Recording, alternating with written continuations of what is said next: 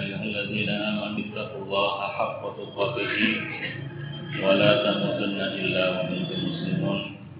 خلقكم من نفس واحدة وخلق من زوجها وبثهما رجالا كثيرا نساء واتقوا الله الذي تساءلون به والأرحام إن الله كان عليكم رقيبا. يا أيها الذين آمنوا قولا سديدا يصلح لكم ومن يطع الله فقد فاز فوزا عظيما أما بعد قال الكلام كلام الله هدى رسول الله صلى الله عليه وسلم شر الأمور محدثاتها وكل محدثة بدعة وبدعة ضلالة وكل ضلالة في النار أعزني الله وإياكم جميعا Pertama-tama marilah kita panjatkan puji dan syukur Subhanahu wa taala telah memberikan kepada kita nikmat dan nikmat yang terbesar yang diberikannya kepada kita adalah nikmat Islam dan nikmat sunnah. Salawat dan salam marilah kita limpahkan Muhammad sallallahu alaihi wasallam yang telah membimbing kita dari kegelapan, dari kejahilan kepada cahaya Islam, kepada hidayah Islam. Demikian juga selawat dan sing kita limpahkan untuk keluarga beliau, sahabat-sahabat beliau dan semua orang yang beliau sampai hari kemudian. Ikhwan Fiddin rahimani wa rahimakumullah jami'an.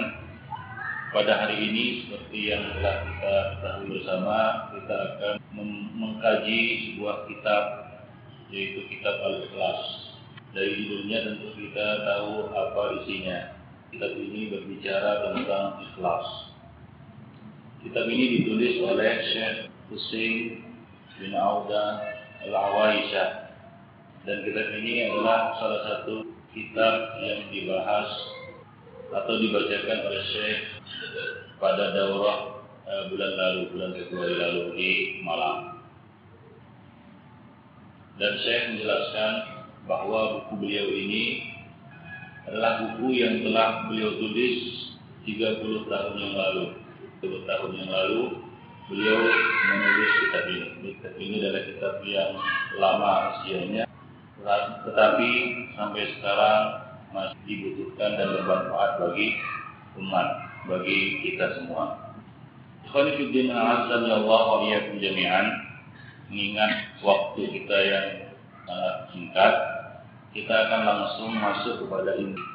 Sedikit pengenalan tentang buku ini. Sudah kita jelaskan tadi ya buku ini adalah buku yang akan berbicara tentang al-ikhlas tentang keikhlasan adapun ikhlas itu sendiri adalah satu kata yang sudah dipakai di dalam bahasa Indonesia ikhlas di dalam bahasa Indonesia juga ikhlas jadi tidak perlu dijelaskan maknanya atau asal usul katanya. Dalam bahasa sendiri ikhlas diambil dari kata khalasa yang artinya murni. Khalasul asal, aku menyaring madu sampai murni. Itu dalam bahasa Arabnya. Ikhlas berarti kemurnian. Pasal awal dari kitab ini adalah membicarakan tentang al-ikhlas lillah, kedudukan ikhlas karena Allah Subhanahu wa taala di dalam agama Islam. Mada yustaratu lil amal hatta yuqbal. Apa yang disyaratkan untuk sebuah amal hingga amal itu diterima. Sebelum kita melangkah melakukan satu amalan, mengerjakan suatu ibadah agar kita tidak menyusahkan diri kita membuat diri kita letih dan lelah dengan amal tersebut, hendaklah kita perhatikan, kita letakkan di hadapan kedua mata kita. Satu pertanyaan, bagaimanakah atau apakah syarat agar amal yang aku kerjakan ini dengan susah payah, mengorbankan waktu dan tenaga, bahkan mungkin materi harta, hingga dia bisa diterima di sisi Allah Subhanahu wa taala tidak membawa bencana bagi yang mengamalkannya, mengerjakannya di dunia maupun di akhirat. Ada dua syarat yang agung diterimanya tiap amalan atau ibadah. Kedua syarat itu adalah yang pertama awal rumah ayyakuna sahibuhu qad qasada bihi wajah Allah. Pertama adalah yang mengamalkannya sahib sahibul amal. Orang yang mengerjakan amalan itu qasada bihi. Qasada bihi artinya bermaksud dengan amalnya itu mengharap wajah Allah Subhanahu wa taala yaitu ikhlas.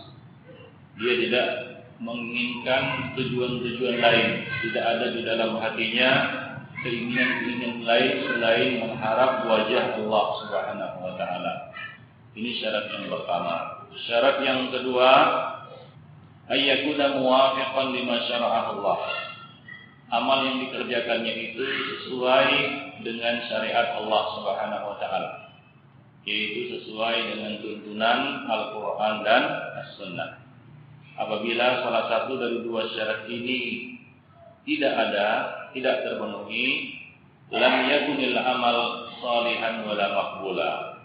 Maka amal tersebut tidak dipandang sebagai amal saleh dan tidak diterima di sisi Allah Subhanahu wa taala. Dalilnya adalah firman Allah Subhanahu wa taala dalam surat Al-Kahfi ayat 110. Allah berfirman, "Faman kana yarju liqa'a rabbih falyamal 'amalan shalihan wala yusyrik bi ibadati. Barang siapa yang berharap pertemuan dengan Rabbnya itu pertemuan yang baik, falyamal amalan salihah. Maka hendaklah dia mengerjakan amal Allah Subhanahu wa taala sifati amal ini amal yang salihah. Dan sebuah amal tidak dikatakan saleh kecuali jika amal tersebut sesuai dengan syariat Allah Subhanahu wa taala, yaitu sesuai dengan prosedur yang telah digariskan oleh Allah dan Rasulnya. Wala yusyrik bi ibadati rabbih ahada dan janganlah dia mensekutukan Allah Subhanahu wa taala dengan sesuatu yang lainnya di dalam ibadahnya tersebut, yaitu ikhlas. Jadi di sini Allah Subhanahu wa taala memerintahkan dua hal, yaitu beramal saleh dan memasang niat yang ikhlas. Al-Hafiz Ibnu Katsir di dalam tafsirnya itu tafsir ayat ini mengatakan wa hadzani rukna al-amal. Kedua perkara ini yaitu ikhlas dan sesuai dengan syariat Allah, amal yang sesuai dengan syariat Allah merupakan rukna al-amal, rukun amal, dua rukun amal. Rukun adalah tiang al-umur yang tidak akan bisa tegak satu bangunan kecuali dengan tiang tersebut, pilar tersebut. Kedua perkara ini merupakan dua rukun amal al-mutaqabbal, amal yang diterima. Harus kata beliau ayyakuna khalisan lillah, ikhlas karena Allah wasawaban ala syariati Rasulillah sesuai dengan syariat Rasulullah Shallallahu Alaihi Wasallam. Nah di sana banyak sekali perintah untuk ikhlas dan pada pertemuan kali ini kesempatan kali ini kita membicarakan kita lebih memusatkan pembicaraan kita kepada syarat yang pertama yaitu syarat ikhlas. Ya syarat ikhlas karena syarat ini berkaitan dengan seorang hamba terhadap Robnya hubungan antara seorang hamba dengan Rabbnya. Yang mana orang lain tidak tahu bagaimana kondisi hatinya apakah dia ikhlas atau tidak ikhlas. Kalau syarat yang kedua sesuai dengan sunnah Rasulullah maka setiap orang bisa mengoreksi. Orang lain bisa mengetahui.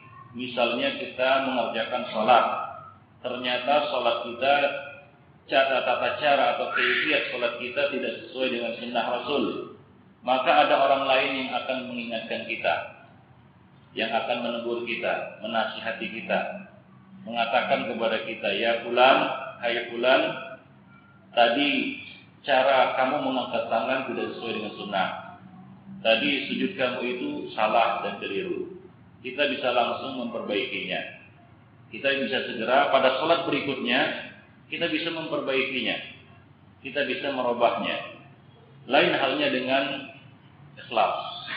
Ini tidak ada yang tahu. Hari ini kita sholat bercampur ya. Tidak ada orang lain yang tahu, yang bisa mengoreksi hati kita. Besok mungkin kita akan melakukan hal yang sama. Terus demikian. Tidak akan berubah hingga yang si empunya hatilah yang merubah hatinya, yang merubah ikhlasnya. Jadi ini kaitannya antara seorang hamba dengan Rabbnya. Oleh karena itu pembicaraan tentang ikhlas adalah pembicaraan yang penting karena dia merupakan eh, baitul amal. Dia adalah penggerak seorang untuk ber, beramal. Yang menggerakkan seorang untuk beramal, beribadah adalah niatnya.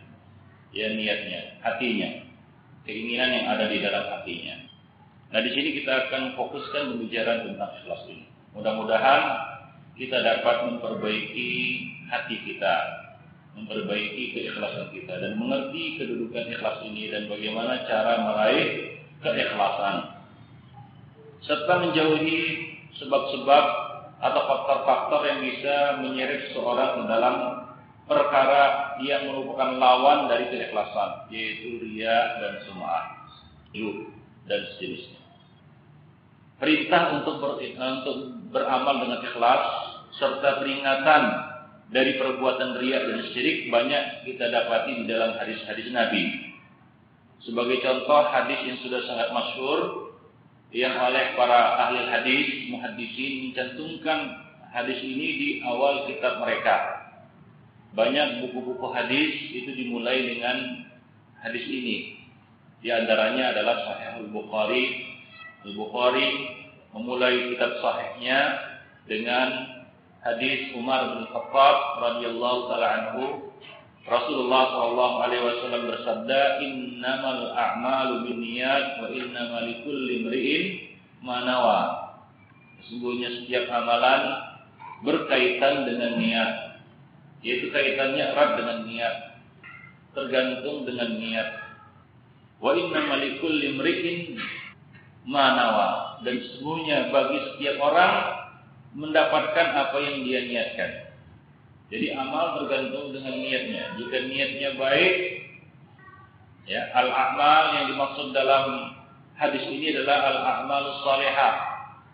Ya, al-amal alif lam di dalam kata al-amal dalam hadis ini adalah alif lam lil ahad yaitu menunjukkan satu pengertian amal yang sudah dimaklumi yaitu amal saleh. Karena kalau amal yang buruk, bagaimanapun ikhlasnya niat kita tetap dipandang suatu ke keburukan. Jadi yang dimaksud dengan amal saleh di sini, uh, yang dimaksud dengan al-amal, setiap amalan-amalan bergantung dengan niatnya, yaitu amalan yang yang salehah. Hal itu dapat kita pahami dari contoh yang disebutkan oleh Nabi Shallallahu Alaihi Wasallam dari lanjutan hadis ini. Ya, pemangkaran hijratuhu ilallah wa rasulihi, fahijratuhu ilallah wa rasulihi. Jadi contoh amal yang disebutkan oleh Nabi adalah hijrah dan hijrah adalah amal amal saleh. Fanifidina azanillah wa iyyakum jami'an. Jadi yang dimaksud dengan amal adalah amal saleh jadi setiap amal soleh itu tergantung niatnya. Seorang melakukan amal soleh, tapi niatnya ria, sum'ah, bukan karena Allah. Maka wa inna malikul limri'in ma nawa. Jika hijrahnya kata Nabi untuk mengejar materi dunia, untuk menikahi seorang wanita, maka hijratuhu ila ma hajra ilaihi. Ya, maka hijrahnya sesuai dengan niat yang dia pasang. Ya, jika dia niatnya itu, maka dia akan mendapatkan itu. Mungkin akan mendapatkan itu di dunia dan di akhirat dia tidak akan mendapatkan balasan apa pun. Wa inna malikul limri'in manawa. Jadi harus dengan keikhlasan. Wa ma umiru illa liya'budullaha mukhlishina lahuddin hunafa. Dan tidaklah mereka manusia diperintahkan kecuali agar mereka beribadah kepada Allah dengan ikhlas, dengan mengikhlaskan agama ad-din yaitu ketaatan bagi Allah Subhanahu wa taala. Kenapa?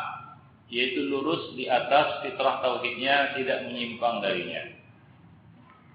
Rasulullah Shallallahu alaihi wasallam juga mengatakan dalam sebuah hadis yang berkaitan dengan haji haji adalah satu amalan yang agung dan salah satu di antara rukun Islam yang lima. Di dalam talbiyahnya Rasulullah Sallallahu Alaihi Wasallam yaitu niat hajinya Rasulullah mengatakan Allahumma hajjah la riya'an fiha wala sum'ah. Ya Allah, inilah ibadah hajiku yang tidak bercampur di dalamnya riya dan sum'ah.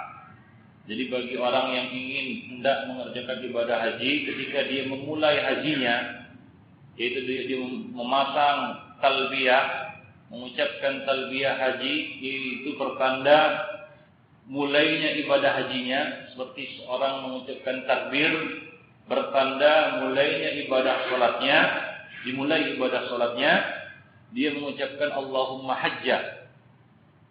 Kalau umrah Allahumma umrah Allahumma hajja la riya'an fiha wala sum'ah. Ya Allah Inilah hajiku, tidak ada riak di dalamnya dan tidak ada sum'ah. Jadi beliau berdoa kepada Allah Subhanahu wa taala semoga hajinya itu lillah bagi Allah Subhanahu wa taala tidak bercampur sedikit pun di dalamnya riak dan sum'ah. Haji yang ikhlas inilah yang disebut sebagai haji yang mabrur. Haji yang tidak disertai dengan kejahatan di dalamnya dan dosa haji yang dilakukan dengan niat yang ikhlas. Nabi mengatakan tidak ada balasan bagi haji yang mabrur kecuali surga. Nah demikian Ibn Fiddin. A'adzani Allah wa iyyakum jami'an. Dan juga Rasulullah Shallallahu Alaihi Wasallam telah memberikan peringatan kepada kita terhadap bahaya ria. Di antaranya hadis Abu Hurairah radhiyallahu taala anhu hadis ini sudah sangat masyhur dan sering disampaikan yaitu tentang manusia yang pertama kali diadili pada hari kiamat yaitu seorang laki-laki yang mati syahid dia dibawa ke hadapan Allah lalu Allah Subhanahu wa taala menjelaskan kepadanya nikmat-nikmat yang telah Allah berikan kepada dirinya dan dia mengakuinya lalu Allah bertanya fama amil fiha apa yang telah engkau amalkan dengan nikmat-nikmat itu maka laki-laki ini menjawab, Qatal tufika hatta istashhadtu. Aku berperang di jalanmu hingga aku mati syahid. Allah berkata, Kadzabta, engkau dusta. Walakinnaka qatalta li an yuqal jari. Engkau dusta, tetapi engkau melakukan itu, engkau berperang agar engkau dikatakan pemberani. Wafat kila dan engkau telah mendapatkan sebutan itu. Yaitu engkau sudah dikatakan sebagai pemberani seperti niat yang engkau pasang. Jadi seorang yang mengerjakan satu amalan dengan niat tertentu bisa jadi dia mendapatkan niat itu di dunia. Tapi dia tidak akan mendapatkan balasan apa pun di akhirat. Seperti amal orang kafir. Ya, orang kafir antum lihat juga dia mengeluarkan hartanya, memberikan hadiah. Mereka sebut sodako. Secara bahasa mereka sebut itu sodako. Orang Cina rajin sodako dengan niat usahanya lancar. Allah mungkin beri, ya, apa yang diinginkannya itu, apa yang menjadi niatnya itu di di dunia.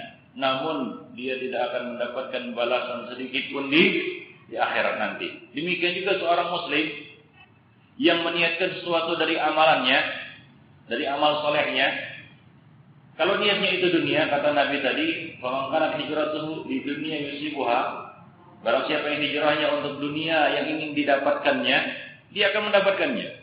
Nah di sini Allah Subhanahu wa taala mengatakan kepada orang ini yang berperang untuk dikatakan agar orang lain mengatakan dirinya pemberani, jago dan hebat, faqad kila engkau telah mendapatkan sebutan itu engkau telah mendapatkan sebutan itu.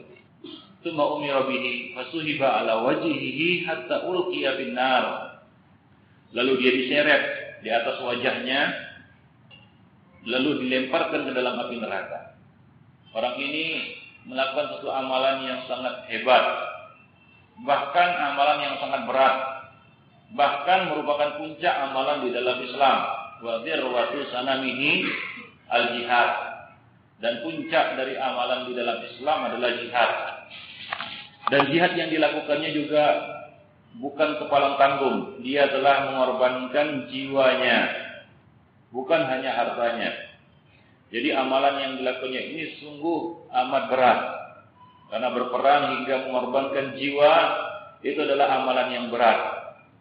Namun sayang, amalan yang gede dan besar ini, yang agung ini, tidak berarti dan tidak bernilai apa-apa di hadapan Allah karena niatnya.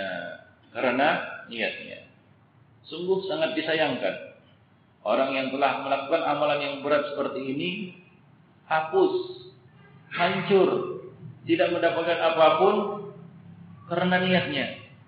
Ya, karena niatnya ikhwan fillah. Azan Allah wa iyyakum jami'an. Oleh karena itu para ulama mengatakan rubba amalin kabir yusaghiruhu niyah wa rubba amalin saghir yukabbiruhu niyah atau yu'azzimuhu niyah. Berapa banyak amalan yang kecil itu menjadi besar karena niatnya. Dan berapa banyak amalan yang besar menjadi kecil karena niatnya. Ikhwanifiddin. A'azani Allah wa. Jadi kita harus menghadirkan niat yang ikhlas agar amalan yang kita lakukan itu dapat diterima di sisi Allah Subhanahu wa taala. Ya, lain asyraku lahabitu anhum ma kanu ya'malun. Jika mereka berbuat syirik, maka hapuslah apa yang mereka lakukan. Dan riya termasuk syirik, yaitu syirkul asghar. Diriwayatkan dari Abu Hurairah radhiyallahu taala anhu yang mengatakan aku mendengar Rasulullah bersabda, qala Allah taala Allah Subhanahu wa taala berfirman, ini hadis qudsi, ikhwan Allah berkata, "Ana aghna syuraka anis syirki." Aku adalah Rabb ilah yang tidak butuh kepada syirik, yaitu sekutu-sekutu. Man 'amila 'amalan asyraka fihi ma hiya ghairi taraktuhu wa syirkahu. Barang siapa melakukan satu amalan, dia sekutukan aku di dalamnya, dia sekutukan bersama aku di dalamnya yang lain. Jadi dia gabungkan di sini untuk Allah dan untuk yang lain. Ya, di samping dia mengerjakan untuk Allah, dia kerjakan juga untuk yang lain. Taraktuhu wa syirkahu, maka aku akan tinggalkan dia dan amalan syiriknya. Yaitu Allah Subhanahu wa taala tidak akan memberikan apa pun, balasan apa pun kepada dirinya. Demikian juga Rasulullah sallallahu alaihi wasallam menjelaskan kepada kita ancaman dan peringatan kepada orang-orang yang melakukan riak di dalam amalnya. Salah satu amal yang agung adalah menuntut ilmu. Dalam hadis yang kita bacakan sebelumnya, yaitu tiga orang yang pertama kali diadili. Orang yang kedua adalah seorang yang mempelajari ilmu dan mengajak mempelajari membaca Al-Quran. Namun dia melakukan itu agar dikatakan korek, agar dikatakan alim maka dia pun dilempar ke dalam api neraka. Yang ketiga orang yang bersedekah. Namun tujuannya bersedekah adalah supaya agar orang lain menyebut dirinya dermawan, baik hati. Dia mengerja sebutan, maka dia pun dilemparkan ke dalam api neraka. Rasulullah memperingatkan man ta'allama ilman mimma yubtagha bihi wajhullah. Barang siapa yang mempelajari satu ilmu yang seharusnya dia tuntut itu mengharap wajah Allah. Yaitu ilmu syar'i. Ilmu syar'i syaratnya adalah ikhlas konfidin. Menuntut ilmu syar'i, menuntut tafakuh fiddin, syaratnya adalah ikhlas lillah. Bukan mengejar sebutan, bukan supaya disebut orang, bukan supaya mendapatkan tempat di majelis, bukan supaya menyaingi para ulama, bukan karena ingin membodoh-bodohi orang jahil. Barang siapa yang niatnya demikian, penaran nar, maka nerakalah nerakalah tempatnya. Barang siapa yang menuntut ilmu, mimma yubtagha bihi wajhullah, yang mana seharusnya dia tuntut ilmu itu dengan mengharapkan wajah Allah. La yata'allamuhu illa liyusiba bihi aradan minad dunya. Namun dia menuntut ilmu tersebut justru untuk mendapatkan liusi babihi untuk mendapatkan dengan ilmu itu aradan minat dunia materi dunia. Keuntungan duniawi. Lam yajid urfal jannah yaumil qiyamah. Maka dia tidak mendapatkan aroma surga pada hari kiamat jadi hadis-hadis ini berisi ancaman perintah untuk berlaku ikhlas untuk memasang niat ikhlas dan ancaman peringatan dari amalan-amalan riya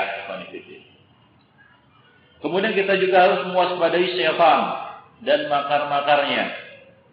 Mengapa kita harus kita katakan berwaspada, mewaspadai makar syaitan ini? Karena niat itu terletak di dalam hati. Ya, an-niyah mahalluhu al-qalb. Niat itu tempatnya di dalam hati, bukan di bibir, bukan di lisan.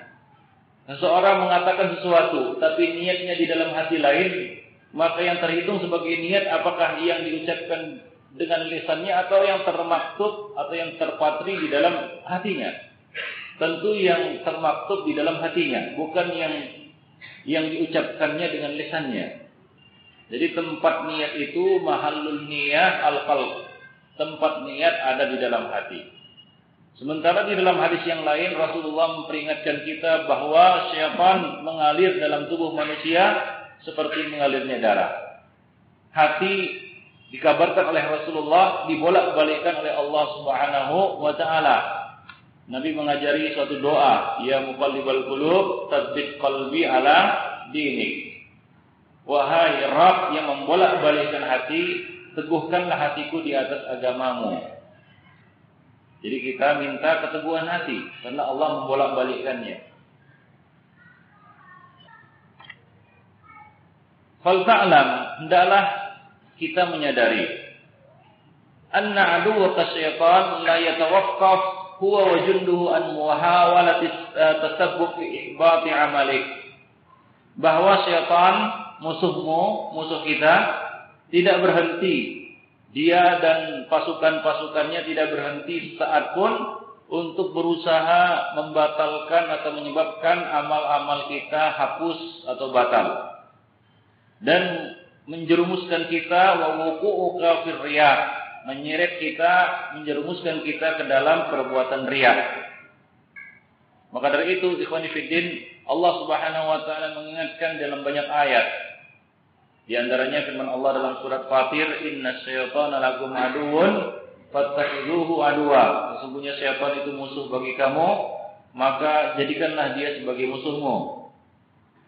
Inna syaitana lil insani aduwwun mubin. Sesungguhnya syaitan adalah musuh yang nyata bagi manusia. Fala tattabi'u khutuwatis syaitan dan janganlah kamu mengikuti langkah-langkah syaitan. Wa zayyana lahum syaitanu a'malahum fasaddahum 'anis sabil.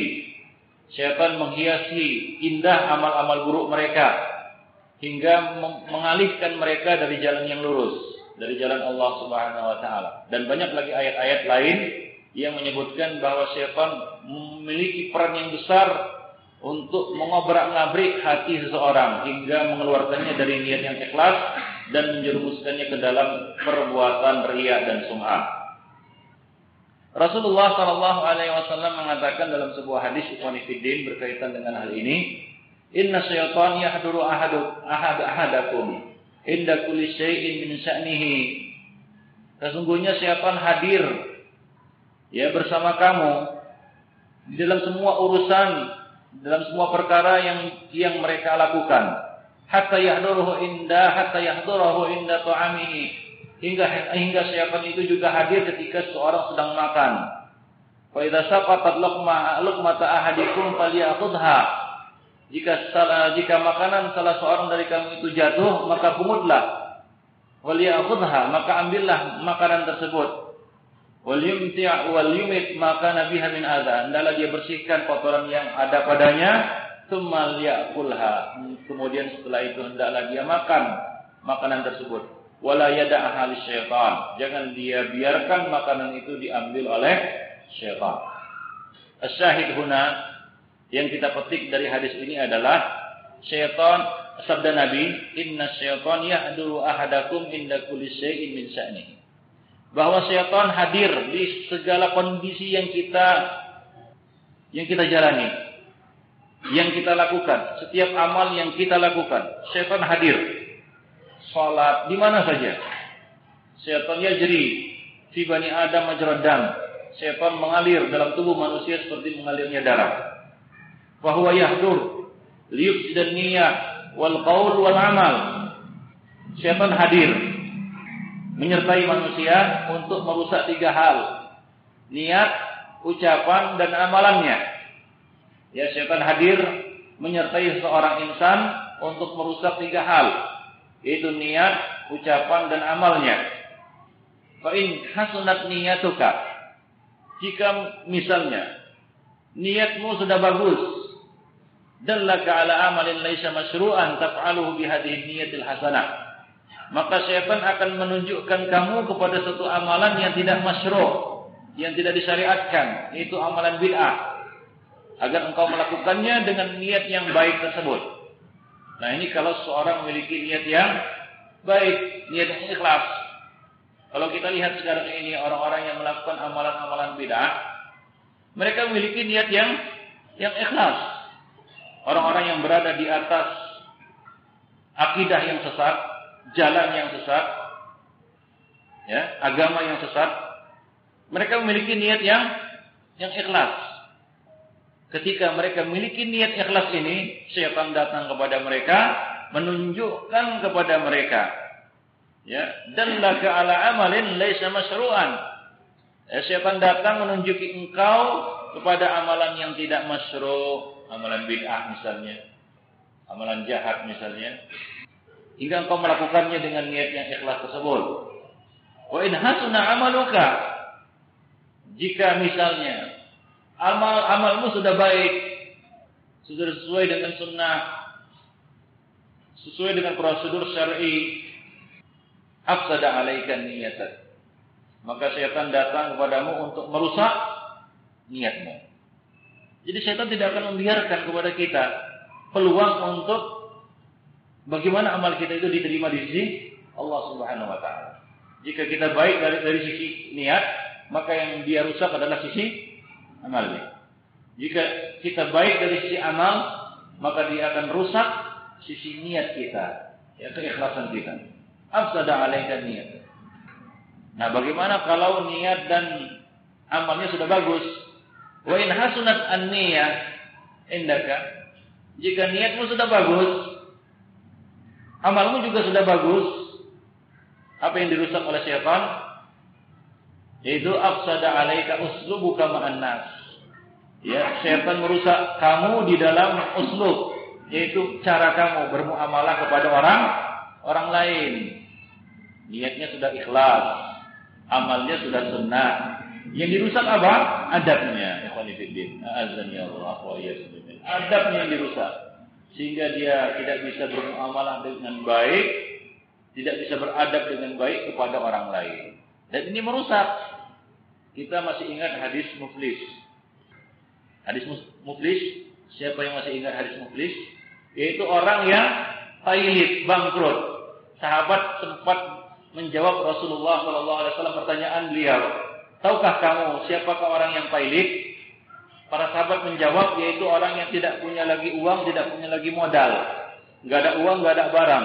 Kalau dalam istilah perdagangan ini orang yang sudah bangkrut, nggak ada lagi yang bisa dijalankannya, modal nggak ada, barang nggak ada, apa yang mau diputar? Nah itulah bangkrut dalam pengertian yang yang yang dipahami oleh para sahabat dari pertanyaan Rasulullah. Karena Rasul bertanya kepada mereka, Atadruna manil muflis. Tahukah kamu siapakah orang muflis? Kemudian Rasulullah menjelaskan kepada mereka, orang yang muflis adalah orang yang datang dengan membawa pahala, sholat, zakat, dan puasanya. Ya, sabda Nabi ini membawa pahala. Artinya apa? Artinya amal sholat, puasa, zakatnya ini amal yang sesuai dengan sunnah dan ikhlas. Karena kalau tidak sesuai sunnah dan tidak ikhlas, maka tidak akan membawa pahala dia. Ya, tidak diterima amalnya, tidak akan bisa berubah menjadi satu pahala bagi dirinya nanti di hari akhirat. Jadi orang ini sudah ikhlas dan sudah sesuai sunnah. Lalu bagaimana? Apa yang membuat dia pailit? Apa yang membuat dia bangkrut? Waqad jaa syatama wa akala mala hadza wa hadza dia datang dengan ya ternyata dia sudah dia pernah terlibat memukul si fulan, mencaci si fulan, mengambil harta si fulan, membunuh si fulan. yaitu apa? Muamalahnya dengan orang orang lain sehingga dia menjadi pailit. Ya, pahalanya diambil orang lain dan dosa orang lain dilemparkan kepada dirinya, kemudian setelah itu dia dilemparkan ke dalam api neraka. Nah, setan Ikhwanifiddin apabila dia melihat niat kita sudah ikhlas, amal kita sudah sunnah, maka yang dirusaknya yang ketiga adalah apa? Uslubuka. Afsada alaika uslubaka ma'an nas. Setan merusak muamalah kita dengan orang lain. Cara kita, sikap kita kepada orang lain. Itu dirusaknya. Ya, muncullah kesombongan, keangkuhan, merendahkan orang lain. Jatuhlah dia dekat kepada apa? Kiber. Ya, dan menolak orang lain, menolak kebenaran. Ini penyakit. Kiber adalah penyakit. Penyakit yang berasal dari iblis yang diturunkannya kepada orang-orang yang memiliki karakter dan tabiat iblis, yaitu sombong, ya Aba wastakbar. Maka Nabi mengatakan tidak akan masuk surga orang yang di dalam hatinya terdapat sebesar biji darah dari ke kesombongan itu ikhwan fillah azani Allah liyuqi al-adawah wal baghdha bainaka wa bainahum hingga setan menyeret kita kepada permusuhan dan kebencian kepada antara kita dengan orang lain. Mastata ila dzalika sabila. Ya, dengan cara bagaimanapun yang bisa dilakukan oleh setan. Nah demikian ikhwan fillah rahimani wa rahimakumullah jami'an. Jadi kita harus mewaspadai segala bentuk makar-makar setan terhadap kita ya terhadap diri kita. Rasul mengatakan, "Mamingkum min ahadin illa waqad uqila bihi qarinahu minal jinni wa qarinuhu minal malaikat." Tidak ada satu orang pun dari kamu melainkan telah diserahkan kepadanya, diwakilkan kepadanya korinnya dari kalangan jin dan korinnya dari kalangan malaikat. Jadi ada dua korin. Korin artinya penyerta, pendamping yang senantiasa mendampingi seseorang. Korin kita dari kalangan malaikat itu ada di di kanan. Maka dari itu kalau kita sholat, kita tidak boleh meludah ke mana? Ke depan dan tidak boleh meludah ke ke kanan. Kenapa tidak boleh meludah ke depan? Karena Allah berada di hadapan orang yang sedang sholat. Karena orang yang sholat sedang bermunajat dia kepada Allah Subhanahu Wa Taala. Bukan ya berada di hadapannya, maksudnya zatnya bukan. Tapi Allah Subhanahu wa taala dekat dengannya, berada di hadapannya, kurbul istijabah, kedekatan untuk mengabulkan segala permintaannya dan mendengar semua permohonannya. Dan dilarang mudah ke kanan kenapa? Karena ada malaikat, korinnya dari dari kalangan malaikat ada di sebelah kanannya. Tapi hendaklah dia mudah ke kiri kalau tidak ada orang. Kalau ada kalau ada orang maka hendaklah dia mudah ke ke bawah. Nah demikian Ibnu Azani Allah wa Jadi setiap orang ada korinnya. Dari kalangan jin dan dari kalangan malaikat. Kalau para sahabat bertanya, "Wa iyyaka?" Dan engkau juga wahai Rasulullah? Qal wa ya. Ya demikian juga aku. Hanya saja illa anna Allah anahi aana aana aanani alaihi. Hanya saja Allah membantuku Fa aslama hingga jin yang menyertai ku itu masuk Islam. Fala ya'muruni illa bi khair. Dia tidak menyuruhku kecuali hal yang baik-baik.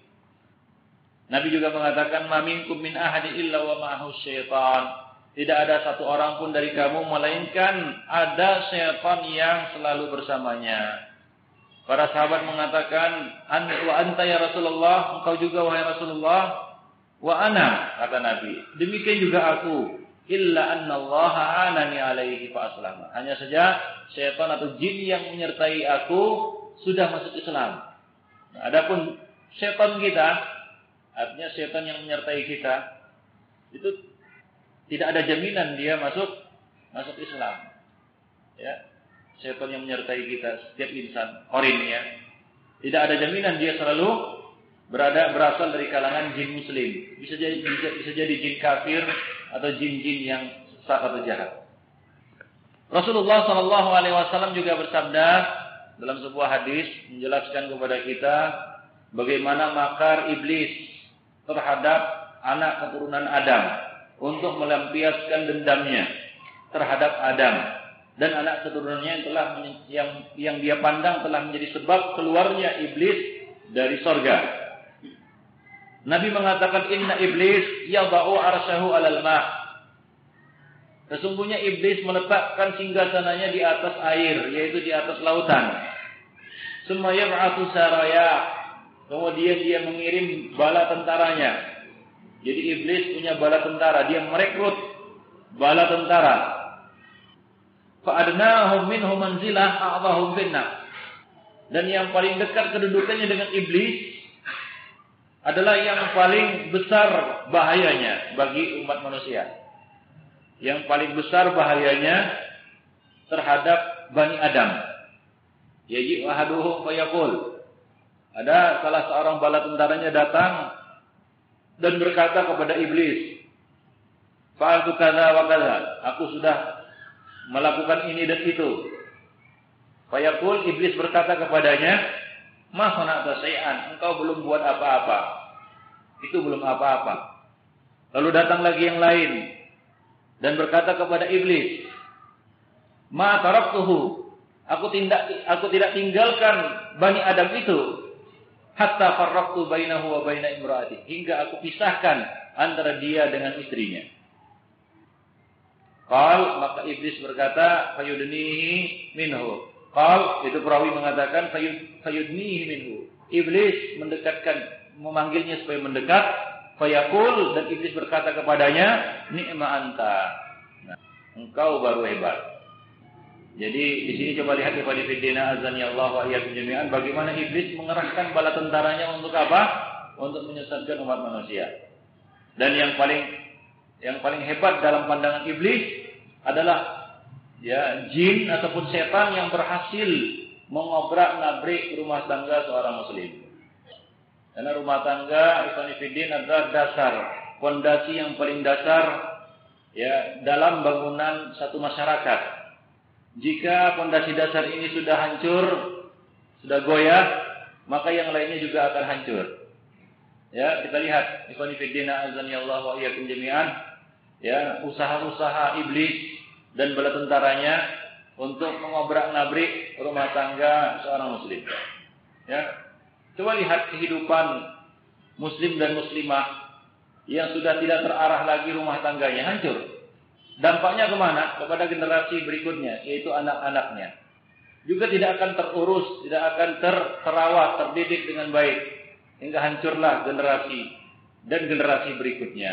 Demikian ikhwan fillah azani Allah wa iyyakum Inna syaitan yajri min, min ibni Adam majrad dam. Iblis ataupun syaitan mengalir dalam tubuh manusia seperti mengalirnya darah walifiddin. Azan ya Allah wa. Apalagi iblis atau dan syaitan bala tentaranya tidak mengendurkan serangannya kepada kita. Mengapa? Karena mereka tidak tidur. Mereka tidak tidur. Siang malam 24 jam siaga untuk menyesatkan Bani Adam. Nabi mengatakan kilu, fa inna syaitan la taqilu. Tidur sianglah kamu, karena syaitan tidak tidur, tidak tidur siang. Artinya syaitan tidak tidur-tidur. Maksudnya apa? Terus berjaga-jaga. Ya, untuk apa menyesatkan Bani Adam ya Bani Fiddina azani Allah wa iyyakum jami'an. Baik. Jadi kita harus ber apa namanya waspada terhadap segala macam makar syaitan khususnya yang berkaitan dengan keikhlasan kita. Jangan sampai dia menyerang perkara yang paling penting di dalam amal kita, yaitu ikhlas. Jangan sampai syaitan datang merusak keikhlasan kita. Misalnya kita sedang salat. Jangan sampai syaitan merusak niat kita sehingga berpaling dari niat yang ikhlas kepada niat yang riak. Rasulullah pernah berkata kepada para sahabat riwayat Abu Sa'id Al-Khudri radhiyallahu taala anhu. Ya, maukah kamu aku kabari? Aku sampaikan kepadamu satu fitnah yang lebih besar daripada fitnah Dajjal. Fitnah Masih Dajjal yang lebih aku takutkan atas diri kamu daripada fitnah Masih Dajjal. Para sahabat menjawab tentu saja ya Rasulullah. Nabi mengatakan asyirkul khafi. Syirik yang ter sembunyi. Para sahabat bertanya, apa itu syirkul khafi? Nabi mengatakan, yakumu ahadukum fayusalli fayuzayyinu salatahu lima yara min nazari rajulin ilaihi. Yaitu seorang, Rasul memberikan contoh, syirkul khafi, yaitu riya. Yaitu seorang bangkit mengerjakan salat. Lalu dia membaguskan salatnya. Mengapa? Karena dia tahu ada orang lain yang melihatnya. Karena dia mengetahui orang lain sedang melihat salatnya. Ini contoh riya fiddin. A'azani Allah wa Jadi berubah niatnya. Berubah arah hatinya. Ya salah satu penyebabnya adalah ikhwani fiddin gangguan ataupun bisikan dari syaitan ini. Baik ikhwani fiddin a'azani Allah wa jami'an. Ya di antara keutamaan ikhlas adalah Ikhlas merupakan satu amalan yang agung yang kita bisa bertawassul dengannya memohon kepada Allah Subhanahu wa taala. Itu at-tawassul bil ikhlas fil a'mal. Bertawassul dengan amalan ikhlas untuk memohon kepada Allah Subhanahu wa taala. Dalam hal ini ada satu contoh ya yang disebutkan di dalam hadis Nabi yaitu tiga orang ini kisah sudah masyhur Ibnu tiga orang yang terkurung di dalam goa. Mereka terkurung di dalam goa. Intalaqa salah satu nafarin mimman kana qablakum. Ini umat yang terdahulu. Ya, tiga orang ada pergi berjalan-jalan ya hatta awahum al-mabit ila ghar. Ya, sudah malam mereka berlindung dalam satu goa. Fadakhalu, mereka masuk ke dalam goa tersebut fanhadaratis sahrah minal jabal fasaddat alaihim al-ghar.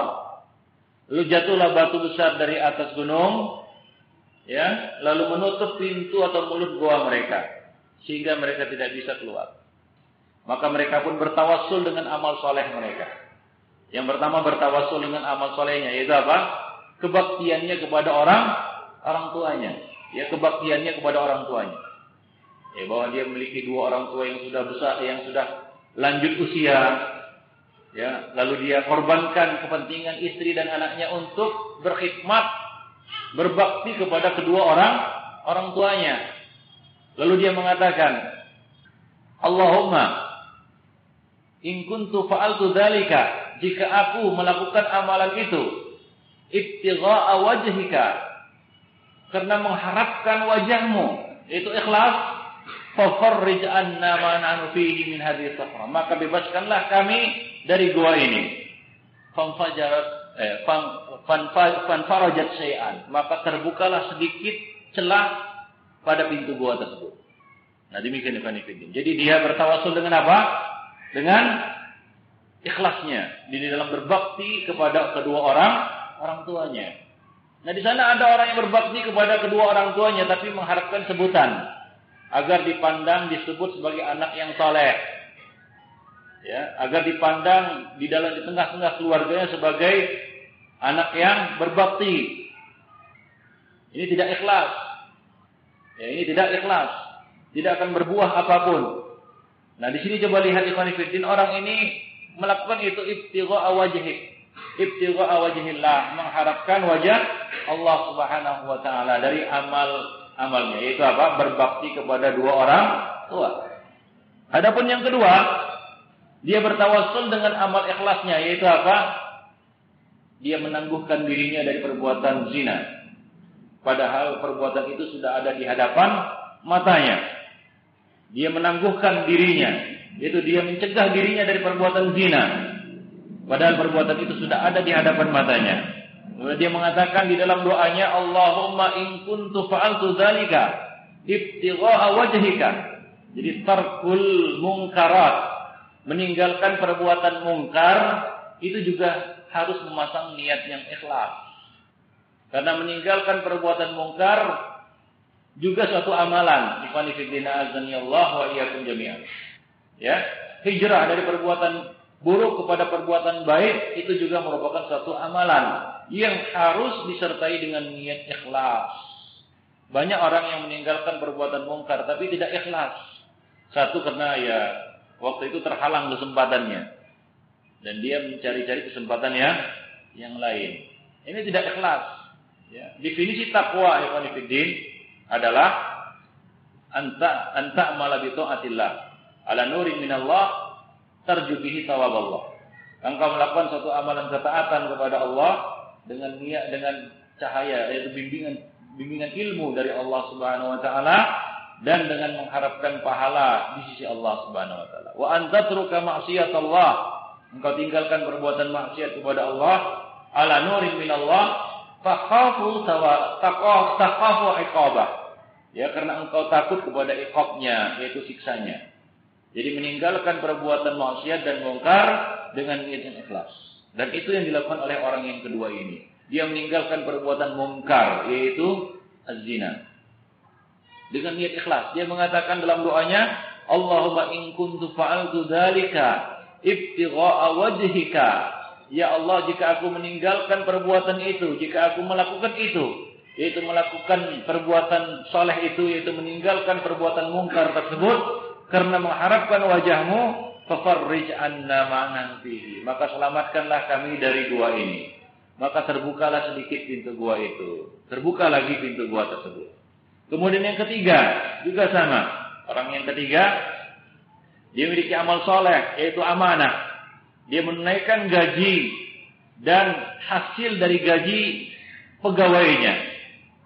Ketika bertemu lagi dengan pegawainya itu dia serahkan semuanya.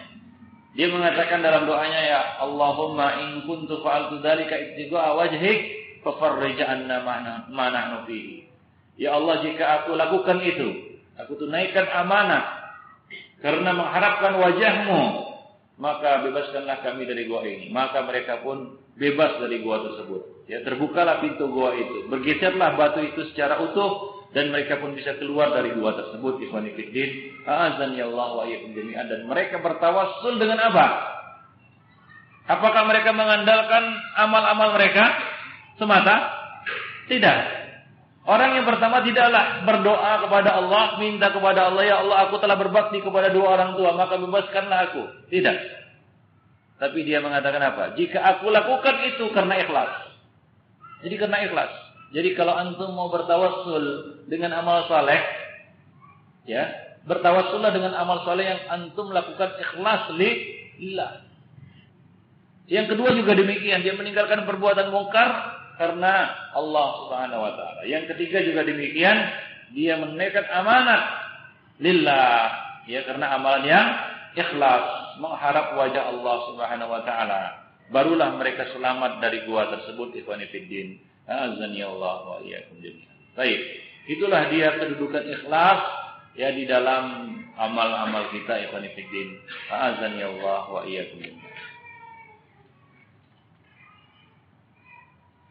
Dan termasuk ikhlas ikhwan fillah azan ya Allah wa iyyakum jami'an adalah an ta'malas salihat ma'a khauf azab al-akhirah.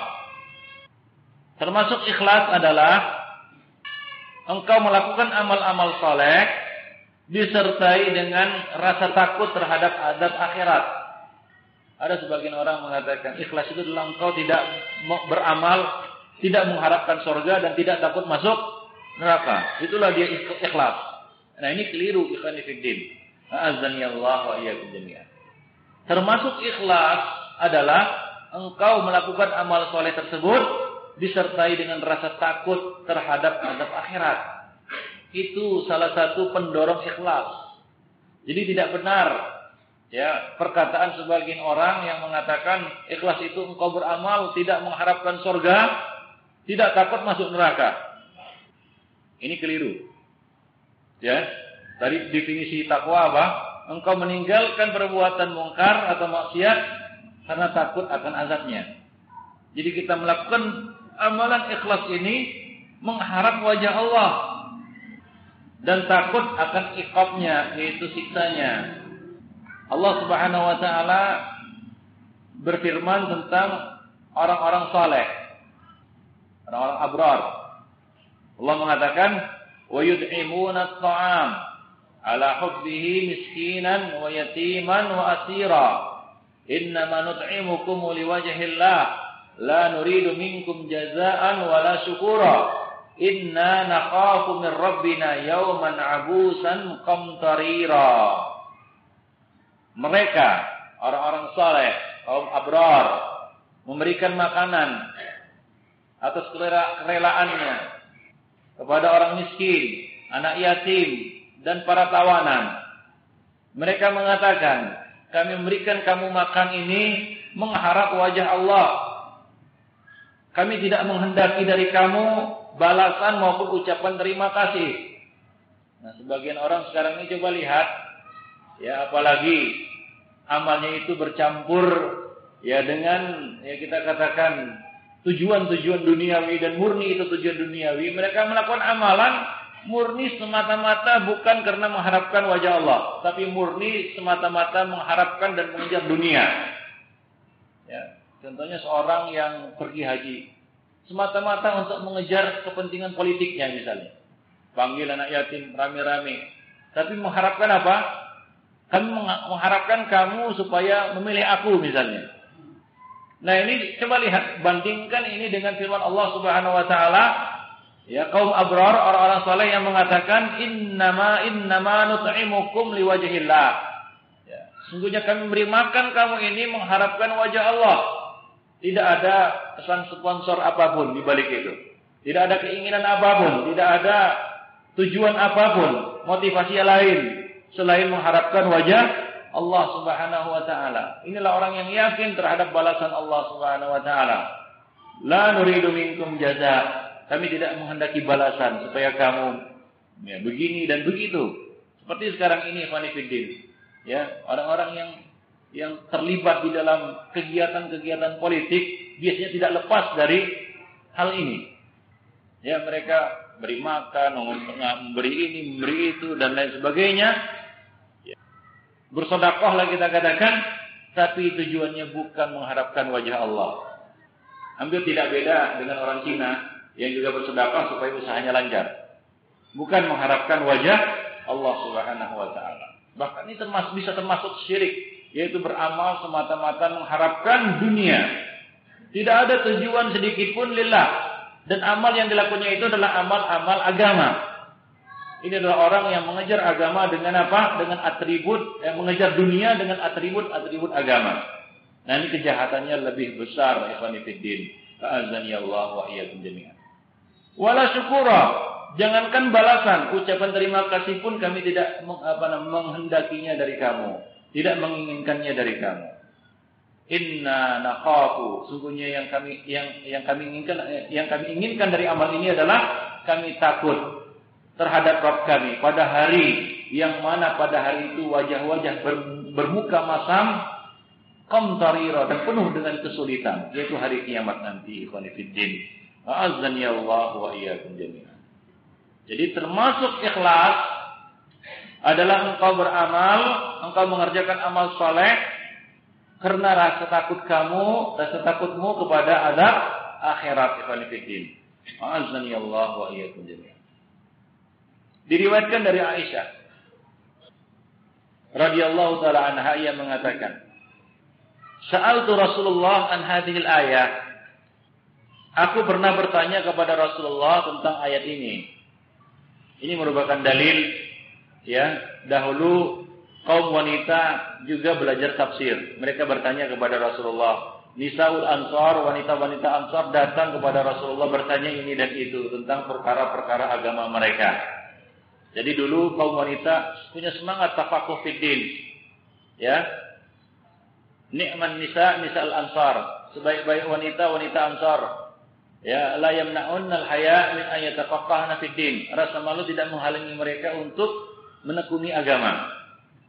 Nah, Aisyah pernah bertanya kepada Rasulullah tentang ayat ini, yaitu ayat walladzina yu'tuna ma atau wa wajilah.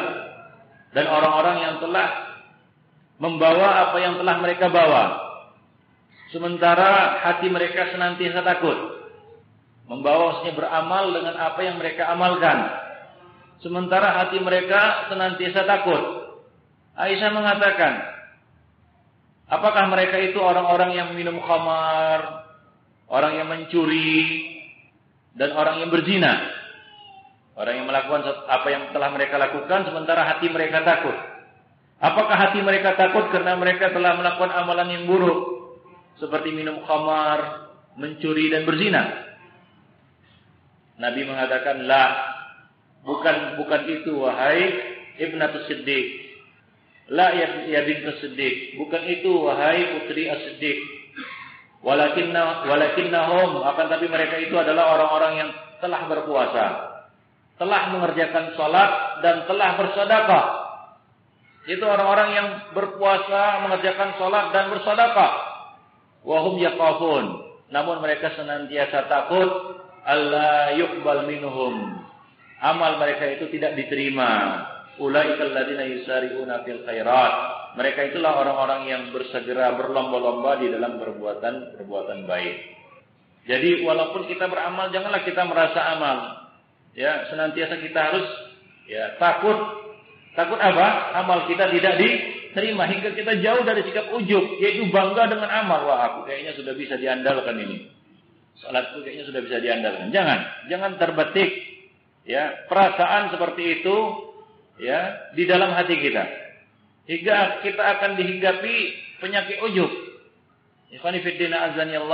Jami'an. Nah, penyakit ujub ini adalah penyakit yang sangat berbahaya yang bisa membakar dan menghabiskan amal kita ikhwani fiddin. Azani Allah wa iyyakum jami'an. Di dalam sebuah hadis Rasulullah Shallallahu Alaihi Wasallam mengingatkan kita kepada bahaya penyakit ujub ini. Ya, Rasul mengatakan, ya innakum laula tuznibun. Sesungguhnya kamu, seandainya kamu tidak berbuat dosa, lakhafat alaikum ma huwa adna min. Niscaya akan kamu pandang ringan sesuatu yang lebih besar, a'zam min dalika. Yang lebih besar daripada dosa itu sendiri. Yaitu apa? Al-ujub wal ujub yaitu merasa bangga dengan diri sendiri, merasaan bangga dengan diri sendiri. Jadi kalaulah kamu tidak berbuat dosa, artinya ya sudah paten lah orang ini, soleh, beramal, bagus. Namun jangan merasa aman, jangan merasa aman, karena perasaan bangga tersebut akan menimbulkan sikap ujub, ya, merasa lebih dari orang lain, jatuh kepada kiber. Oleh karena itu rasa takut ya senantiasa harus kita pupuk di dalam hati kita. Ya walladzina yu'tuna ma atau wa qulubuhum wajilah. Mereka adalah orang-orang yang telah melakukan apa yang telah mereka lakukan sementara hati mereka senantiasa takut. Itu takut apa kata Rasulullah tadi? Allah yuqbala minhum. Mereka takut amal mereka tidak diterima. Nah, kalau seseorang memiliki suasana hati seperti ini, dia senantiasa tawadu. Ya, dia senantiasa tawadu dan terus berusaha untuk memperbaiki amal dan mau menerima nasihat dari orang orang lain, jauh dari sikap ujub. Ya, merasa bangga dengan diri sendiri dengan amal yang sudah dilakukan, merasa puas, cepat puas. Ini adalah kebinasaan dan kehancuran. Cepat puas dengan apa yang sudah diperoleh. Padahal apa yang dilakukannya itu belum tentu diterima di sisi Allah Subhanahu. Enggak ada jaminan. Nah demikian khalifidina azan ya Allah. Dan mereka lah kalau orang memiliki sikap seperti ini, maka mereka lah orang-orang yang akan berlomba-lomba di dalam kebaikan. Karena ia akan senantiasa memperbaiki dirinya. Dia tidak akan merasa puas. Ya, orang yang dihinggapi penyakit ujub dia akan merasa puas. Wah, kayaknya saya sudah paten ini. Sudah bisa diandalkan. Nah, jangan, jangan punya ya sikap dan pikiran seperti itu ikhwan fillah azan ya Allah wa Baik ikhwan Ada satu pertanyaan yang berkaitan dengan tingginya nilai ikhlas. Ya, tingginya nilai ikhlas dalam hati manusia. Ada satu pertanyaan. Limada tustajabu da'watul mazlum? Mengapa doa orang yang dizalimi itu makbul, diterima. Mengapa? Padahal mungkin orang ini adalah orang yang orang kafir. Ya, kita ambil contoh yang paling ekstrim dan buruk yaitu orang kafir. Dizalimi dia, konfidit, dizalimi. Doa dia, mohon dia, makbul doanya. Orang fasik dizalimi, makbul doanya. Saya tanya kepada antum, orang fasik Didolimi dia. Makbul doanya. Fasik ini orang. Terkenalah kefasikannya. Didolimi dia. Makbul doanya. Makbul doanya ya Fadifidina azani Allah wa iyyakum jami'an. Maka dari itu Rasulullah berpesan kepada Mu'ad bin Jabal ketika mengirim beliau mengirim Mu'ad sebagai muallim, sebagai dai, sebagai qadi ke negeri Yaman. Ya, setelah menjelaskan tentang metode dakwah, ajarkan la ilaha illallah, kemudian salat, kemudian zakat, ya, kemudian ajarkan kepada mereka perkara-perkara agama, hukum-hukum Allah dan seterusnya. Di akhir wasiat beliau Ya di akhir wasiat Rasulullah, Rasulullah berpesan kepada Mu'ad, Ittaq, ittaqi da'watal mazlum. Hindarilah doa orang yang teraniaya. Ya, hindarilah. Hati-hatilah terhadap doa orang yang teraniaya. Ya, fa innahu laisa bainahu wa bainahu hijab. Karena tidak ada hijab yang menghalangi antara doanya dengan Allah Subhanahu wa taala. Rasul mengatakan juga dalam sebuah hadis dakwatul mazlum mustajabah. Doa orang mazlum itu mustajab. Wa in kana fajiran, jika dia itu orang fajir, orang fasik, fahujuruhu ala nafsihi. Kefasikannya itu terhadap dirinya sendiri, tapi berkaitan dengan aniaya yang ditujukan terhadap dirinya, dia punya hak satu doa yang makbul, Oleh karena itu jangan mentang-mentang, oh, ini orang jahat saja, dizalimi, jangan. Nggak boleh.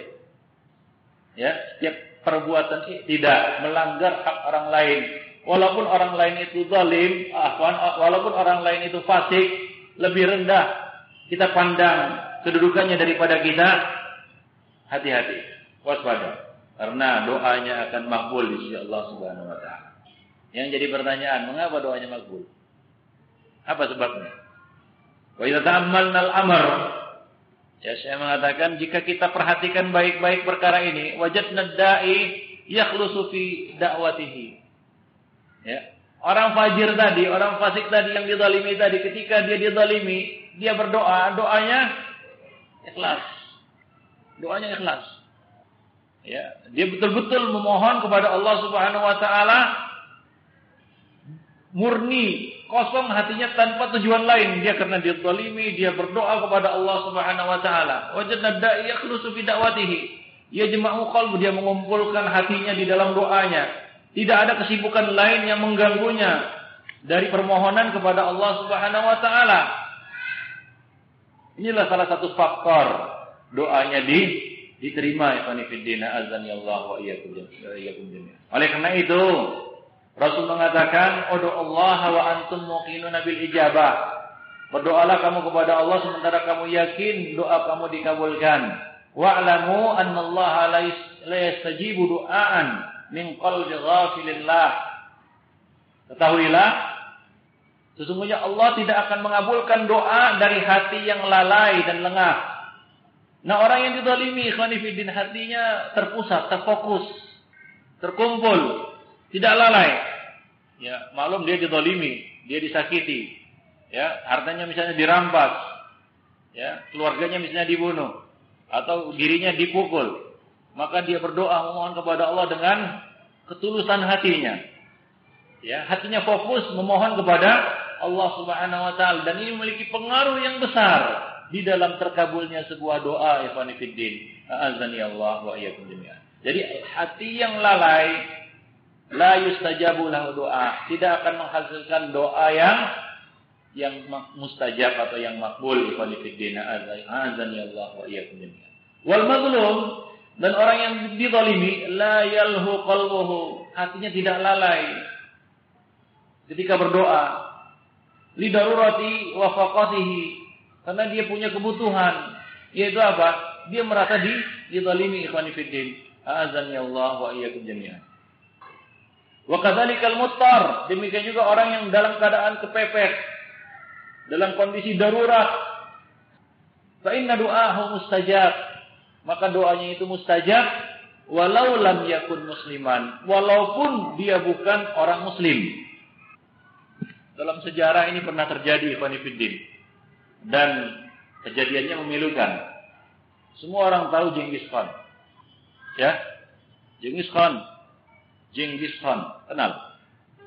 Pernah dengar cerita Genghis Khan? Iya, Genghis Khan yang terkenal kejam, bengis, sadis, dan beberapa sifat-sifat yang buruk lainnya. Ini Genghis Khan. Suatu ketika, Fanifidina azani Allah wa iyyakum jami'an, Genghis Khan ini mengirim utusan dagang para tajirnya lah ke salah satu wilayah muslim yang kebetulan waktu itu diperintah oleh Khawarizm Shah namanya. Ya, penguasa muslim. Muslim dikirim dia kata. Dikirim, uh, eh, Genghis Khan pun mengirim utusan dagangnya ke ke mana? Ke wilayah muslim tadi, Khawarizm Shah. Yang dikuasai dipimpin wilayah itu dipimpin oleh Khawarizm Shah. Sesampainya di negeri Muslim itu, utusan-utusan dagang yang dikirim oleh Genghis Khan ini dibunuh dan hartanya diambil. Kebetulan ada yang selamat. Dan dia lapor kepada Genghis Khan. Maka Genghis Khan merasa dia di zalim. Maka dia pun naik ke puncak gunung, dia mohon. Dia doa di situ. Tiga hari tiga malam. Ini dalam bidaya Nihaya yang kali itu. Ya, tiga hari tiga malam dia doa. Lalu turun gunung, dia pun mengambil suatu azam untuk menyerang wilayah muslim tadi. Maka diserangnya lah wilayah muslim tadi, raja dari itu, pemimpin, penguasa dari itu. Hingga dia bisa mengambil wilayah tersebut. Dan seterusnya. Hingga dalam satu tahun dia bisa menguasai sepertiga dari wilayah yang dikuasai oleh kaum muslimin. Dalam satu tahun. Dan membunuh ya jutaan orang. Orang muslim. Doanya dikabulkan. Kenapa? Karena dia di dizalimi. Ketika dia berdoa, dia benar-benar sungguh-sungguh memohon dalam doanya itu.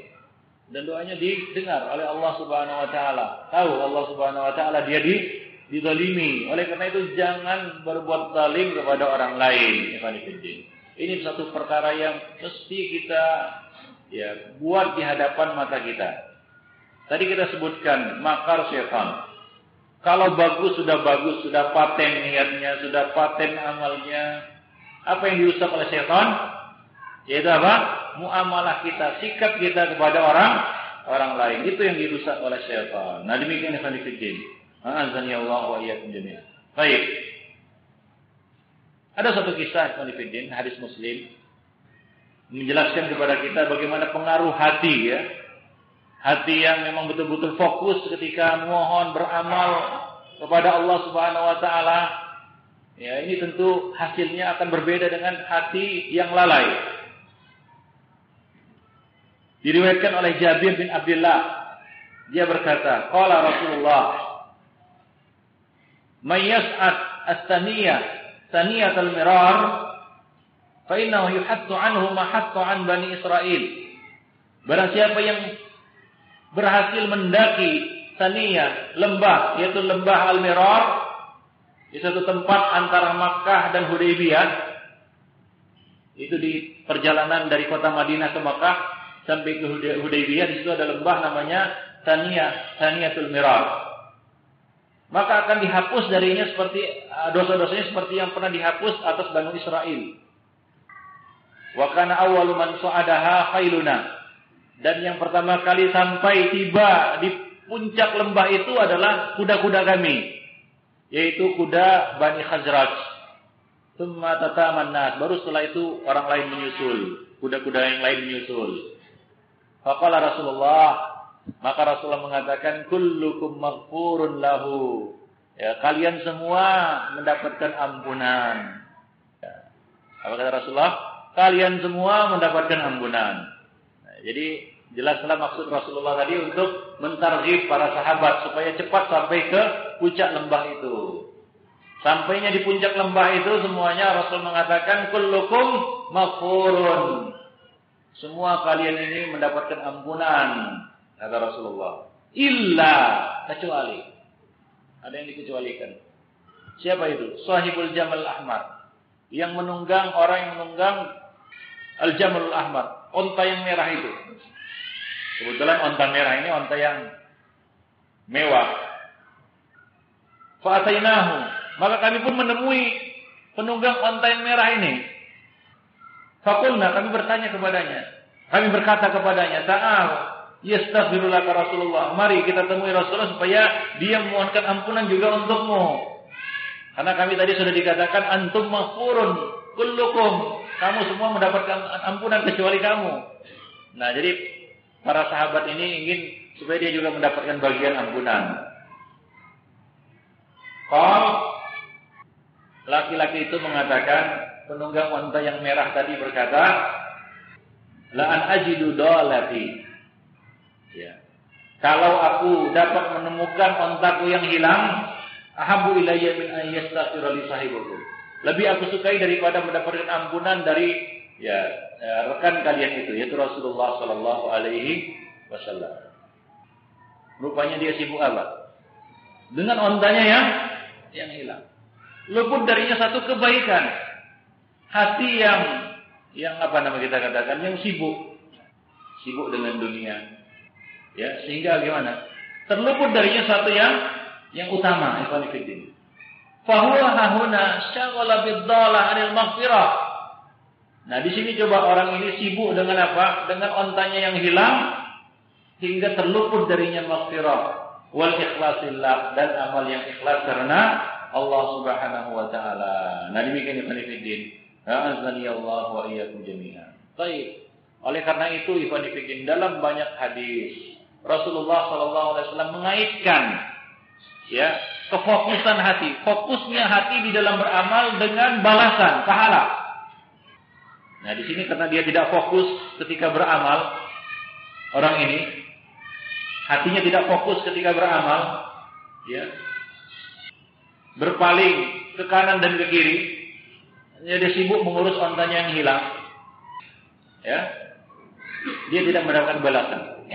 Terluput darinya satu kebaikan, keutamaan, yaitu maghfirah, ampunan dari Rasulullah Shallallahu Alaihi Wasallam. Coba lihat bagaimana seorang itu bisa terpalingkan dari maghfirah karena sibuk mengurus ontanya yang hilang. Ya, seperti sekarang ini kesempatan emas misalnya untuk tafakuh fikih harus dia korbankan kenapa? Karena lagi sibuk mengejar dunia ini. Nah ini kalau nggak diurus ini, kayaknya kesempatan nggak datang lagi. Ya. Padahal kesempatan ada di hadapan matanya. Kadang-kadang demikianlah manusia digelapkan dari suatu yang utama kepada suatu yang tidak tidak utama. Ya kalau kita tanyakanlah kepada ya kepada antum, saya tanyakan kepada antum, mencari onta yang hilang boleh nggak? Boleh. Namun itu menjadi suatu bencana jika kesibukan itu menghalangi kita dari suatu yang lebih utama. Nah misalnya terbuka bagi antum kesempatan tafakuh fiddin. Kebetulan bertabrakan dengan sedang mengurus, sedang ini sedang sedang semangat semangatnya, sedang sibuk sibuknya mengurus dunia. Nah di sini antum harus bisa timbang. Ya, karena hati tidak bisa sama-sama disibukkan dengan dua hal ini. Pasti akan lebih condong kepada salah satu dari keduanya. Seperti orang ini. Lupa dia maghfirah dari Rasulullah karena sibuk mencari onta yang hilang. Maka dari itu, dalam banyak hadis Rasulullah Shallallahu Alaihi Wasallam mengaitkan kekosongan hati, maksudnya kosongnya hati bukan dari tidak dari siapa apa, yaitu fokusnya hati dengan apa dengan balasan. Ya di antaranya sabda Rasulullah Shallallahu Alaihi Wasallam tentang seorang yang berudu membaguskan wudhunya, yang berwudu dengan apa? Dengan sempurna isbagul wudu. Kemudian di akhir Rasulullah mengatakan, lalu dia berangkat sholat, memuji Allah Subhanahu Wa Taala. Ya, di akhir hadis Rasulullah mengatakan, wa faradha qalbahu lillah. Dia memfokuskan hatinya lillah. Illa kecuali in sarafa min khati'atihi kaihati kahayatihi yawma waladathu umuhu. Kecuali ya akan dihapus kesalahan-kesalahannya sehingga dia seperti orang yang baru dilahirkan oleh ibunya. Ya. Namun di akhir hadis Rasul mengatakan apa? Wa farragha qalbahu lillah. Dia fokuskan hatinya untuk Allah Subhanahu wa taala. Ya, nah demikian ya Khanifuddin. Azan ya Allah wa iyyakum jami'an. Baik. Demikian juga dalam hadis yang lain Rasulullah sallallahu alaihi wasallam mengatakan inna rajul la yansarif wa ma kutiba lahu illa ausyur min salatihi aw tusuha aw tumunuha aw subuha aw sudusuha au khumusuha au rubu'uha au thuluthuha au nisfuha. Sesungguhnya seseorang selesai dari sholatnya, ternyata tidak dituliskan baginya kecuali sepersepuluh dari sholatnya. Atau sepersembilan, atau seperdelapan, ada yang dapat sepertujuh, ada yang dapat cuma seperdelapan, uh, seperenam, ada yang mendapat cuma seperlima, ada yang mendapat seperempat, ada yang mendapat sepertiga dan ada yang mendapat setengahnya. Nah, ukurannya sesuai dengan apa? Dengan tafribul qalbi shalah, dengan fokusnya hati ketika kita mengerjakan sholat. Semakin fokus kita di dalam sholat itu kepada Allah Subhanahu wa taala, hati kita, maka semakin besar juga pahala yang kita peroleh. Khonifuddin. Azani Allah wa iyyakum Jadi tafribul qalb Tafribul qulub ini mutlak dibutuhkan di dalam amal. Dan ini sangat berpengaruh di dalam keikhlasan seseorang. Yang mana kalau hatinya sudah bercabang ke sana kemari, maka keikhlasan akan sulit diraihnya. Banifiddin. Azani Allah wa iyyakum. Baik. Nah di sini uh, saya menyebutkan beberapa contoh-contoh ikhlas. Ya, Misalnya ikhlas dalam tauhid. Barang siapa yang mengucapkan la ilaha illallah mukhlishan min qalbihi illa futihat lahu abwaabus sama. Barang siapa yang mengucapkan la ilaha illallah ikhlas dari hatinya melainkan akan dibukakan baginya pintu-pintu langit. Kemudian juga sabda Rasulullah, "Ma min nafsin tamut wa hiya tashhadu an la ilaha illallah wa anni rasulullah yarji'u ila qalbin mu'minin illa ghafarallahu lah. Tidak ada satu jiwa pun yang mati sementara jiwa itu bersaksi la ilaha illallah dan aku adalah Rasulullah dan semua itu terpulang kembali kepada qalbun mukmin itu qalbun mukhlis musaddiq. Hati yang mukhlis dan benar. Illa ghafarallahu lahu. Melainkan Allah Subhanahu wa taala akan mengampuni dosa-dosanya demikian juga Rasul mengatakan innallaha qad harrama 'alan nar man qala la ilaha illallah yabtaghi bidzalika wajh Allah Allah mengharamkan api neraka atas orang-orang yang mengucapkan la ilaha illallah semata-mata mengharapkan wajah Allah Subhanahu wa taala. Demikian juga di sini banyak disebutkan contoh-contoh keikhlasan keikhlasan di dalam haji, salat, zakat, sedekah, jihad, taubat dan seterusnya ya fillah azan ya Allah. Nah, kemudian kita akan menjelaskan satu hal yang tidak kalah pentingnya di dalam bab ini yaitu ma yutawahhamu annahu ikhlas wa laisa kadzalik. Perkara-perkara yang dikira ikhlas ternyata bukan ikhlas. Perkara-perkara yang dikira ikhlas ternyata bukan ikhlas. Di sini ada satu ungkapan yang sangat indah. Man syahada fi ikhlasihi ikhlas, faqad ihtaja ikhlasuhu ila ikhlas. Barang siapa yang bersaksi bagi keikhlasannya bahwa dia itu ikhlas, maka ikhlasnya itu perlu ikhlas. Ada orang mengatakan, oh, saya ikhlas ini. Ya, ngapain dipersaksikan ikhlas? Orang yang mempersaksikan ikhlasnya, nah ikhlasnya itu butuh butuh ikhlas. Ya, man syahada fi ikhlasihi ikhlas faqad ihtaja ikhlasuhu ila ikhlas. Orang yang mempersaksikan amalnya ikhlas, maka ikhlasnya itu butuh keikhlasan ya Filipina azan ya Allah. Wa iya Jadi nggak perlu dibilang-bilang, wah saya ikhlas ini, ikhlas saya ini. Ya kalau ikhlas ya sudah, Gak ada artinya persaksian dengan lisan. Mengapa? Karena yang menjadi ukuran bukan lisan, tapi hati. Kita nggak tahu apa yang ada di dalam hati manusia. Nah di sini kita akan jelaskan perkara-perkara yang di, dikira ikhlas ternyata bukan ikhlas. Yang pertama, qad yamtajizu bil ikhlas fi eh, min hududin nafsi. Kadang-kadang ikhlas itu bercampur dengan sesuatu dari kelezatan yang diterima oleh hati kita, oleh diri kita. Contohnya, yu'alim wa yastagilu bitadris liyafrah billadzatil kalam. Orang yang mengajar atau sibuk mengajar karena dia merasa mendapatkan kelezatan kalau berbicara. Au yaghzu atau yang berperang liyumaris al-harb. Orang yang berperang tapi semata-mata untuk apa? Untuk yumaris al-harb karena merasa lezat, ya enak ber, berperang. Seperti menyalurkan hobinya.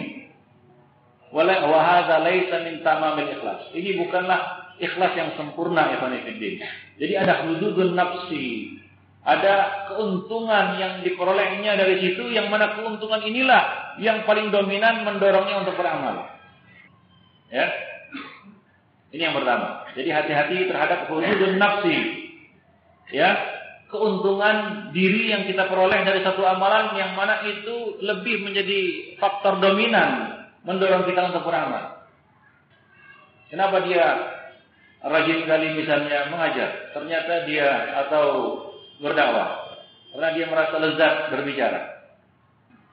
Kenapa dia rajin kali talim? Karena dia merasa punya kepentingan datang ke majelis. Merasa punya keuntungan datang ke majelis. Nah ini bukan tamamul ikhlas. Ada huzul nafsi di situ. Yang kedua, bentuk-bentuknya ini ya, Ikhwan Wa rubbama karihal abdu ar-riya. Walakinnahu indama yatadhakkar amalahu wa yusna alaihi la yuqabilu dhalika bil karaha bal yash'ur bis surur. Kadang-kadang seorang hamba itu benci riya. Namun ketika amalnya disebut, dirinya dipuji, maka hilanglah rasa benci itu hingga berganti dengan perasaan senang. Wa yasur inna dzalika ruhan anhu shay'an min ana'il ibadah. Wa hadha naw'un daqiqun min anwa'is syirkil khafi. Bahkan dia merasa ya apa kebenciannya kepada riya menjadi hilang dengan pujian tersebut atau dengan sebutan-sebutannya. Ini merupakan jenis syirik khafi yang sangat tersembunyi, Ikhwan Dan kadang-kadang seorang sulit untuk melepaskannya dari hatinya. Jadi ini bisa mengurangi nilai keikhlasan seseorang. Ya, nilai keikhlasan seseorang. Waqad yaqa'u al-mar' birriya la bi idharihi bin nutqi ta'ridan aw tasrihan. Kadangkala seorang itu jatuh kepada riya bukan karena ucapannya.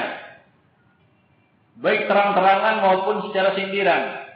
Akan tetapi dengan dia tunjukkan riaknya itu bisyama'il dengan penampilan. Misalnya dia sengaja menampilkan apa? Bekas sujudnya. Itu tidak berusaha untuk menutupi amal. Memamerkannya melalui penampilan. Sengaja topinya agak dinaikkan ke atas sedikit. Supaya nampak hitamnya. Nah ini merupakan salah satu apa? Salah satu faktor yang bisa menyeretnya kepada riak Evanifidin ya sengaja apa namanya memakai pakaian-pakaian yang menunjukkan supaya dirinya zuhud ya penampilan-penampilan atau atribut-atribut yang mengesankan dirinya orang soleh ya dengan tujuan orang lain tahu ya misalnya dia sengaja disebut sini wa atarudumu wa ghalabatin nuas. Dia sengaja memperlihatkan apa? Atarudumu bekas bekas air mata dan apa? Dan rasa mengantuk. Ia menunjukkan supaya tahu orang orang lain tahu bahwasanya dia mengerjakan sholat tahajud pada malam hari. Kalau sengaja megang-megang perut supaya orang tahu dia sedang berpuasa. Atau penampilan-penampilan dan sikap-sikap lainnya untuk memperlihatkan ya muroah. Karena ria itu bedanya dengan sum'ah. Ria ya amalan yang dilakukan untuk dipertunjukkan supaya orang lain melihat. Nah, salah satu faktor adalah seperti ini dari dari penampilan Ikhwanifiddin yang tujuannya untuk memamerkan amalnya yang disembunyikannya. Orang lain dia nggak tahu kalau dia tahajud pada malam hari, tapi dari penampilannya orang lain jadi tahu. Ya sengaja digantung-gantungkan supaya orang tanya kenapa ngantuk belum? Oh, supaya orang lain mengira dia melakukan amalan tersebut. Ya, nah demikian. Jadi hendaknya seorang mukmin ya berusaha untuk menutupi amalnya. Ya, diupayakan supaya amalnya itu tidak diketahui oleh orang lain. baik diketahui secara langsung maupun tidak langsung. Dia tutupi. Sesungguhnya Allah Subhanahu wa taala menyukai seorang hamba yang bertakwa dan yang tersembunyi. At-taqiyyu al-khafi. Bertakwa lagi tersembunyi. Nah, demikian yang kami fitin. Azan ya Allah Oleh karena itu para ulama memakruhkan ya, menampilkan atau sengaja menampilkan baju syuhrah atau penampilan syuhrah supaya orang lain, mata orang lain tertuju pada dirinya. Demikian ya Fani Ya, salah satu alasan dilarangnya pakaian syuhrah adalah apa? Bisa menimbulkan, berpotensi menimbulkan ria. Waqad yaktafi al-mar yang keempat. Waqad yaktafi al-mar bihaitsu la yuridu al-ittila alaihi. Tadi sum'ah, ya kalau beda antara ria dan sum'ah, ria adalah amalan yang tujuannya diperlihatkan kepada orang lain. Adapun sum'ah, dia melakukan satu amalan untuk diperdengarkan kepada orang lain. Supaya orang lain mendengar, tahu, walaupun tidak melihat. Ya, seperti dia, misalnya dia sholat malam, berpuasa. Ya, lalu dia ceritakan itu untuk supaya orang lain mendengar, mengetahui dia telah melakukan ini dan itu. Meskipun mereka tidak melihatnya. Yang keempat, Waqad yastafil mar'u bihaitsu la yuridul itila alaihi. Kadang-kadang seorang bersembunyi melakukan suatu amalan, tidak mau orang lain tahu. Walakinnahu idza ra'an nas ahabba ayyabda'uhu bisalam. Namun jika dia lihat orang lain, maka dia suka untuk memulai mengucapkan salam wa yuqabiluhu bil basyasha wa tawqir dan apa namanya menyambut mereka dengan basyasha wa tawqir dengan apa namanya dengan uh, ramah hawaji wa yusamihu fi al-muamalah wa yuwasi'u lahu fil majlis. Fa in qasara fi dhalika muqassir taqula dhalika ala qalbihi. Namun dia ingin ya dari amalnya itu.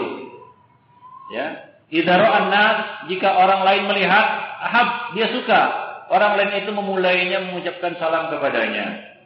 Atau ya menghadapinya dengan ramah atau menunaikan kebutuhannya atau ber, apa namanya bermurah hati bermuamalah kepada dirinya atau melapangkan baginya di dalam majlis.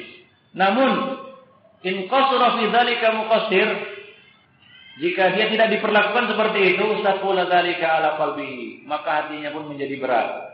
Ada sebagian orang beramal supaya dihormati orang orang lain, supaya orang lain baik kepadanya, supaya orang lain banyak membantunya dan lain sebagainya. Namun jika dia lihat orang lain berubah, tidak apa namanya memberikan kelapangan baginya, tidak mulai mulai salam mengucapkan salam kepada dirinya, maka mulai mengucapkan salam kepada merasa sudah tidak dihormati, maka dia pun menjadi berat melakukan amalan tersebut.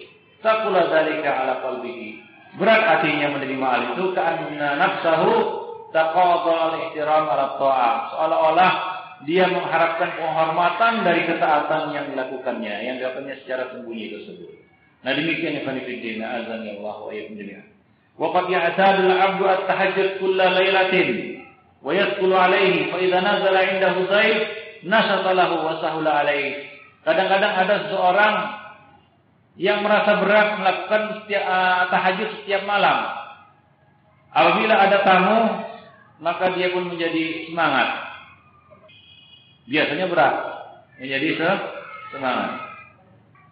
Kemudian yang keenam, ijabul marah bi amalihi. Seorang yang takjub, yang merasa bangga, al-ijab bangga dengan amal yang telah dilakukannya. Dengan amalan apa namanya ibadah yang telah dilakukannya.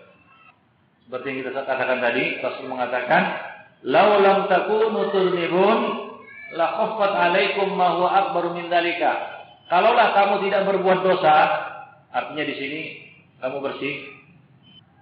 Bahkan sebaliknya, selain bersih kamu juga melakukan amal saleh.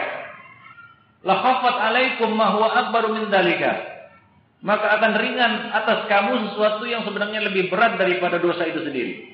Yaitu apa?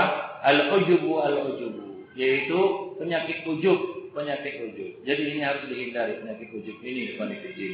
Azan ya Allah wa Khususnya ikhwan fillah azan ya Allah wa jami'an ketika kita menuntut ilmu syar'i.